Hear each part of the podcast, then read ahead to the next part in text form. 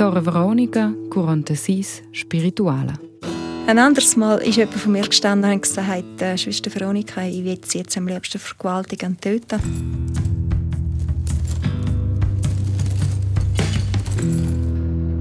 Podcast.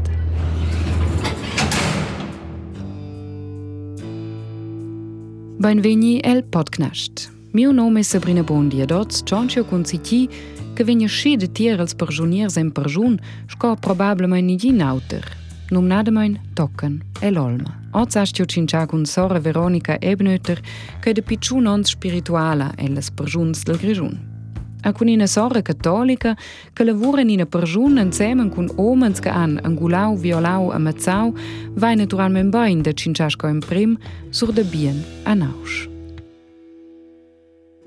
Ich glaube, dass jeder Mensch gut ist, täuscht, aber er kann krank sein, er kann irgendwie von Geburt auf irgendeinen Defekt haben oder er kann einfach sich entscheiden für das Böse und dann, dann geht's natürlich, dann findet man im Menschen dann das Böse auch. Ella und alcune mine biale metafore. Al bien el cristian se gli scoine flura, che magari schmaccargnada plat. Denton tutina se gli le flura ad inekeu. Per quei truesce sora Veronica e negin sco cas senza speranza. Ebo, so enter che l'audio als Menders confess. Äh, nein, eigentlich nicht. Also es hat ähm, Delikte, wo wir sehr nachgehen, also alles, was mit Pädophilie zu tun hat. Wenn ich da ganz detaillierte äh, Deliktabläufe höre, der Täter, der die Tat wiederholt, also erklärt, versucht zu erklären, das geht sehr nach. Ähm, fast noch näher, als wenn jemand einen Mord aus dem Affekt heraus beschreibt, der auch sehr brutal ist. Aber ich habe noch nie den Moment gehabt, wo ich gedacht habe, wow, das ist hoffnungslos. Oder ich mit meinem Glauben weiß, dass unter jedem menschlichen Abgrund die Hand Gottes ist. Wie reagieren Sie denn, wenn Sie so etwas hören? Probieren Sie denn Ihrem Gegenüber so ein Pokerface aufzusetzen? Ich stelle mir das noch schwierig vor, wenn man sich zum Beispiel vielleicht sogar ein bisschen gruselt vor dem, was man hört, dass man dann da trotzdem kann vermitteln kann, nein, los, ich lasse dazu, es ist, du kannst mir das jetzt erzählen, ohne dass ich die bewerte oder deine Tat bewerten.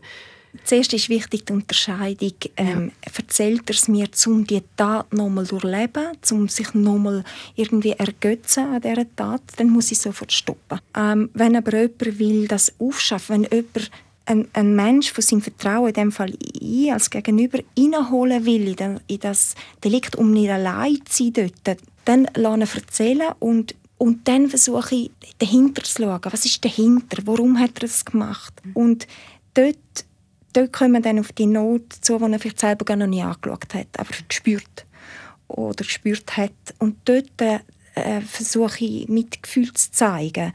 Das, das ist wichtig, dass man Empathie zeigt. Ave compassione sa sora Veronica per quai si bain, per quai che la dina sostegno de Dio ich habe ja meinen Glauben, also ich gebe das ja wie weiter. Vielleicht nicht gerade im Moment, ist dann vielleicht nicht möglich, aber nachher, am Abend oder einfach nachher, übergebe ich das Gott. Und ich habe ja, ich habe ja ihn immer wieder dabei. Und dann, dann sinke ich nicht mit in den Abgrund, aber ich gehe, ich, ich, ich sage mal, in Knüllen in die Not. Aber dann auch dort Hand bieten, dass man wieder miteinander auch aufsteht. Und Jetzt frage ich so eine saloppe Frage, die ich aber nicht salopp meine. Ich frage Sie auch viele Leute, warum lässt denn Gott überhaupt so etwas Böses zu?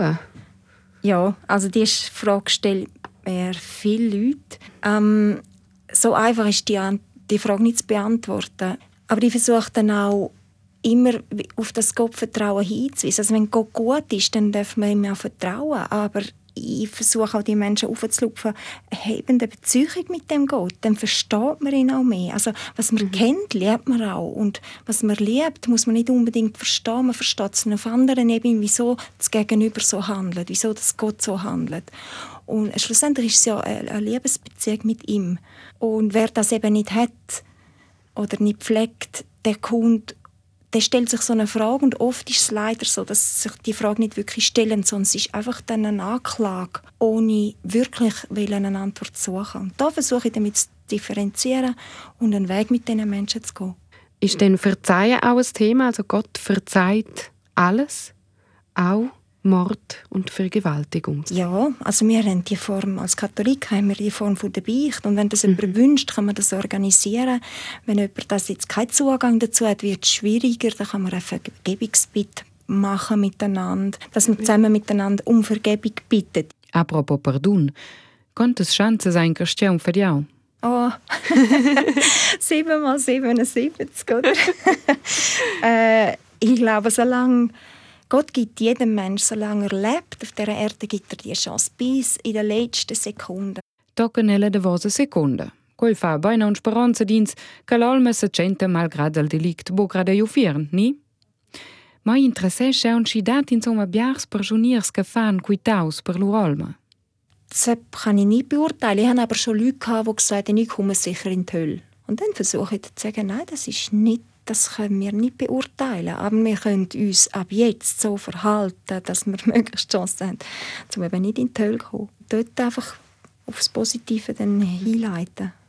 Und das sind nicht vielleicht eher die, also das kann man nicht gruppieren, zum Beispiel die Älteren haben ein bisschen mehr Angst um ihre Seele oder die, die etwas Schlimmeres gemacht haben, haben mehr Angst um ihre Seele? Ich glaube nicht. Also es ist mir jetzt nie so aufgefallen. Aber ich sage dann halt oft, ja, ich, ich schaufle noch schon in den Himmel mit meinem Gebet. Also wenn, dann tue ich dann auch so ein bisschen auf, lustige Art. Äh, mhm. Also äh, wir kommen da nicht vorbei. du so für euch beten. Das muss einfach lang. Con suo charme soia aviarta data quella carezia che l'ha per mincin, poi a quella energia tot speciale che ha per dei sincer schon incantau mena vendla chatta de quel podcast, a che vus udis forse wieder so vusch, a quell'energia che io sai bo proprio co de scriver ca aber simplement buna, de monia ella de schmacca schizon la plidire nusch. Wenn ist so ein Moment, wo sie merken, oh, das tut mir jetzt wirklich leid?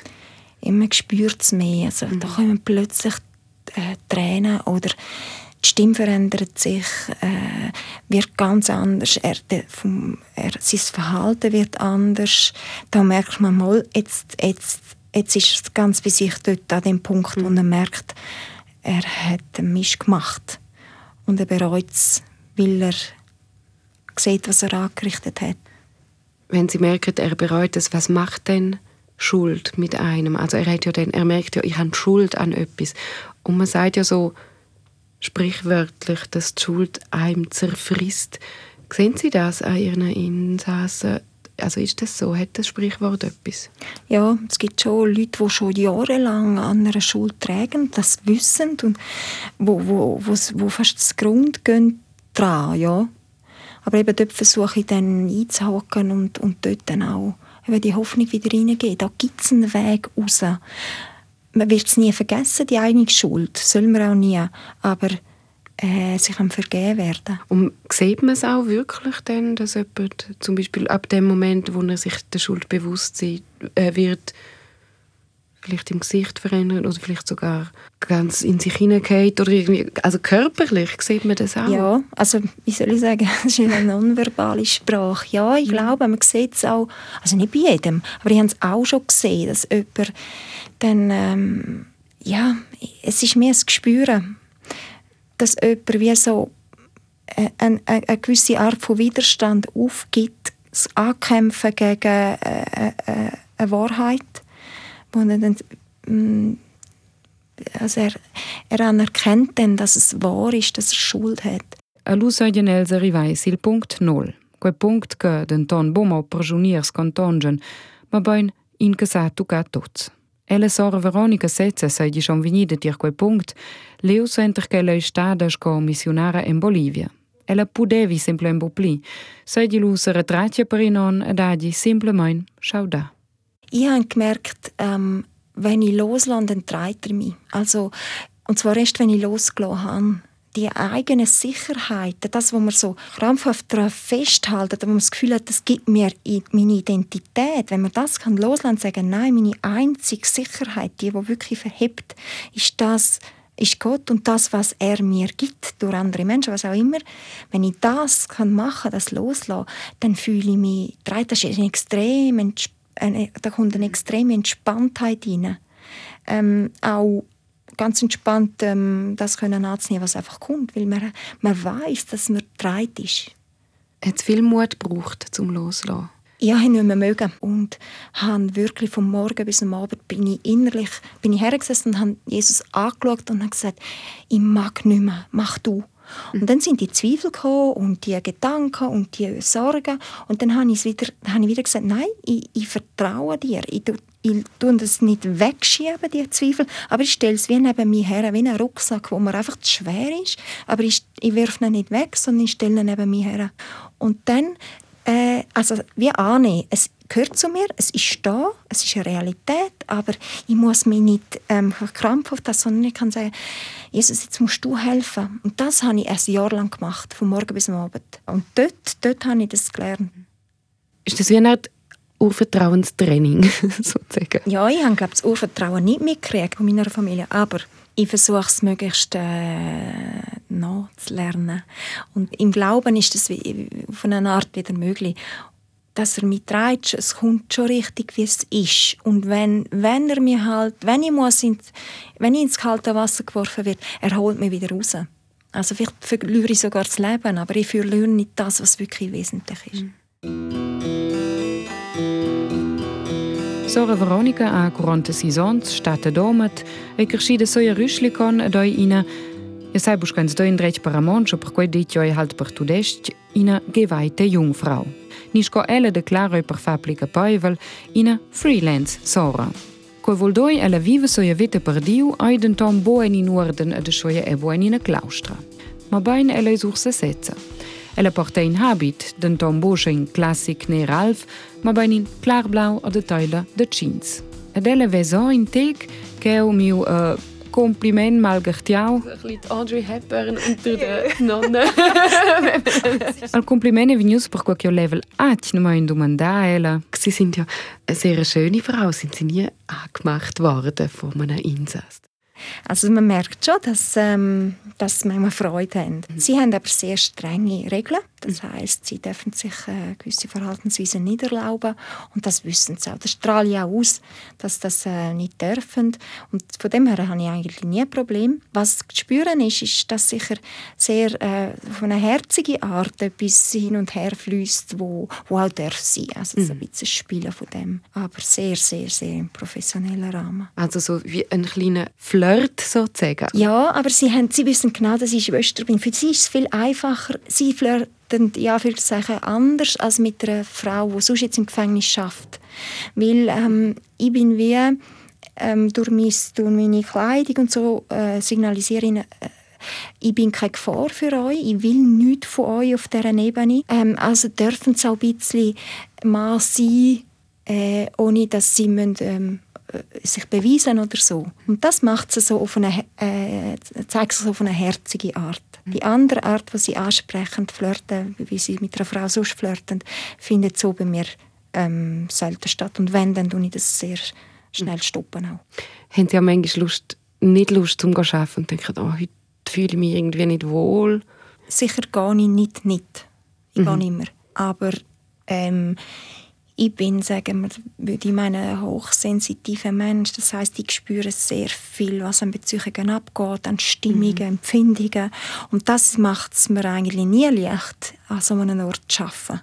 Sowohl, was sowohl die, äh, die Eingewiesenen betrifft, als auch die ganzen also die Mitarbeiterinnen und Mitarbeiter. Ähm, das ist nicht leicht für mich. Mhm. Aber ich denke, Warum machen Sie es denn trotzdem? Ja, ich habe, ich habe einfach das Gefühl, ich kann dort etwas reinbringen, das nicht von mir kommt, wo von Gott kommt, wo, wo, wo diesen Menschen gut tut. Oder mindestens Angebot bringen. Und darum mache ich es. Denton, una persona è schon in una comunità di cristiani un po' più speciale. Ella per questo si prepara a cosa in suo nuovo job nie preparar in caso urgent. Haben Sie auch zum Beispiel einmal einen Selbstverteidigungskurs oder etwas gemacht, bevor Sie Ihren Job angefangen haben? Ja, also äh, in Bolivien habe ich das gemacht, oh ja. aber äh, dort habe ich es eigentlich nicht wirklich gebraucht. Und dann da im Gefängnis könnte ich teilnehmen an der Selbstverteidigung. habe auch mal ein paar Mal mitgemacht, aber ich habe gemerkt, ich mache das nicht gerne. Ich mhm. will das auch nicht unbedingt die Haltung annehmen, ich muss mich verteidigen. Ich bin sicher ein Mensch, den man schnell kann töten kann. Ich bin ja nicht stark oder so, aber äh, wenn es dann halt so ist, dann ist es so ich glaube, ich würde in dem Moment, wo ein Mensch mir das antun oder irgendeine Verletzung, würde ich versuchen, ihm noch etwas mitzugeben. Vielleicht etwas von dem vergeben oder etwas von dem, dass er trotzdem geliebt ist. Und ich habe ja das Vertrauen, dass selbst wenn mir das Leben nimmt, dass man mir nicht das nehmen kann, was wichtig ist. Das ewige Leben. Und äh, das Sein bei Gott. Oder? Und meine Seele, das kann mir niemand nehmen. Auch meine Würde kann man niemand nehmen. Aber ähm, ja, ich würde noch gerne im Gefängnis sterben. Das ist der Ort, wo mein Herzblut ist.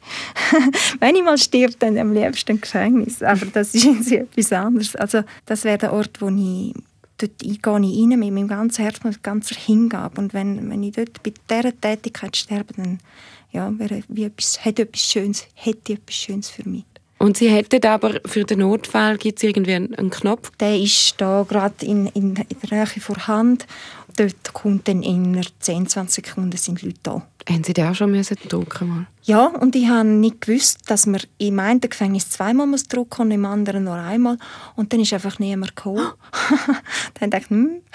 ja, ich bin nicht angegriffen worden, aber es ah. ist jemand in meinem Rücken bedrohlich geworden und ich ah. mich nicht können umdrehen, weil wenn man dann jemanden noch anschaut, in dem Moment kann es sein, dass die Aggression noch steigt. Und dann äh, bin ich einfach stehen geblieben, habe weitergeredet mit dem Menschen, der gerade vor mir war ja, und äh, bin dann aus dieser Situation rausgekommen, ohne äh, Schaden zu nehmen.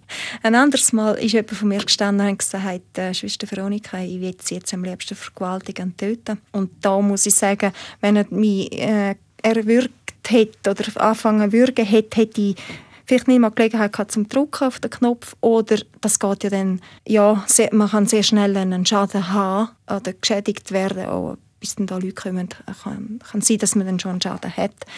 Aber ich habe dann gemerkt, das ist jemand, der schizophren war und ich habe gemerkt, die Persönlichkeit hat gerade wieder zurückgeswitcht. Und er hat dann gerade gefragt, haben Sie jetzt Angst vor mir? Und dort habe ich gemerkt, das ist dann die andere Persönlichkeit, die das gefragt hat. Und trotz, obwohl mir mulmig war, habe ich dann gesagt, nein, ich habe keine Angst vor Ihnen. Aber Sie, ich bitte Sie jetzt einen Meter zurückzustehen und ich hole jetzt jemanden, der Sie ähm, zurückführt. Und so konnte ich dann die Situation können lösen, ohne äh, dass ich einen Knopf drücke.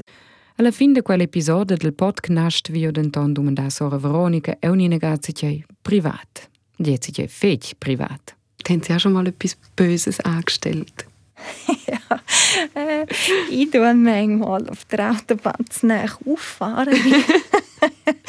Aber äh, ich bin sogar schon einer zivilen Polizeipatrouille aufgefahren.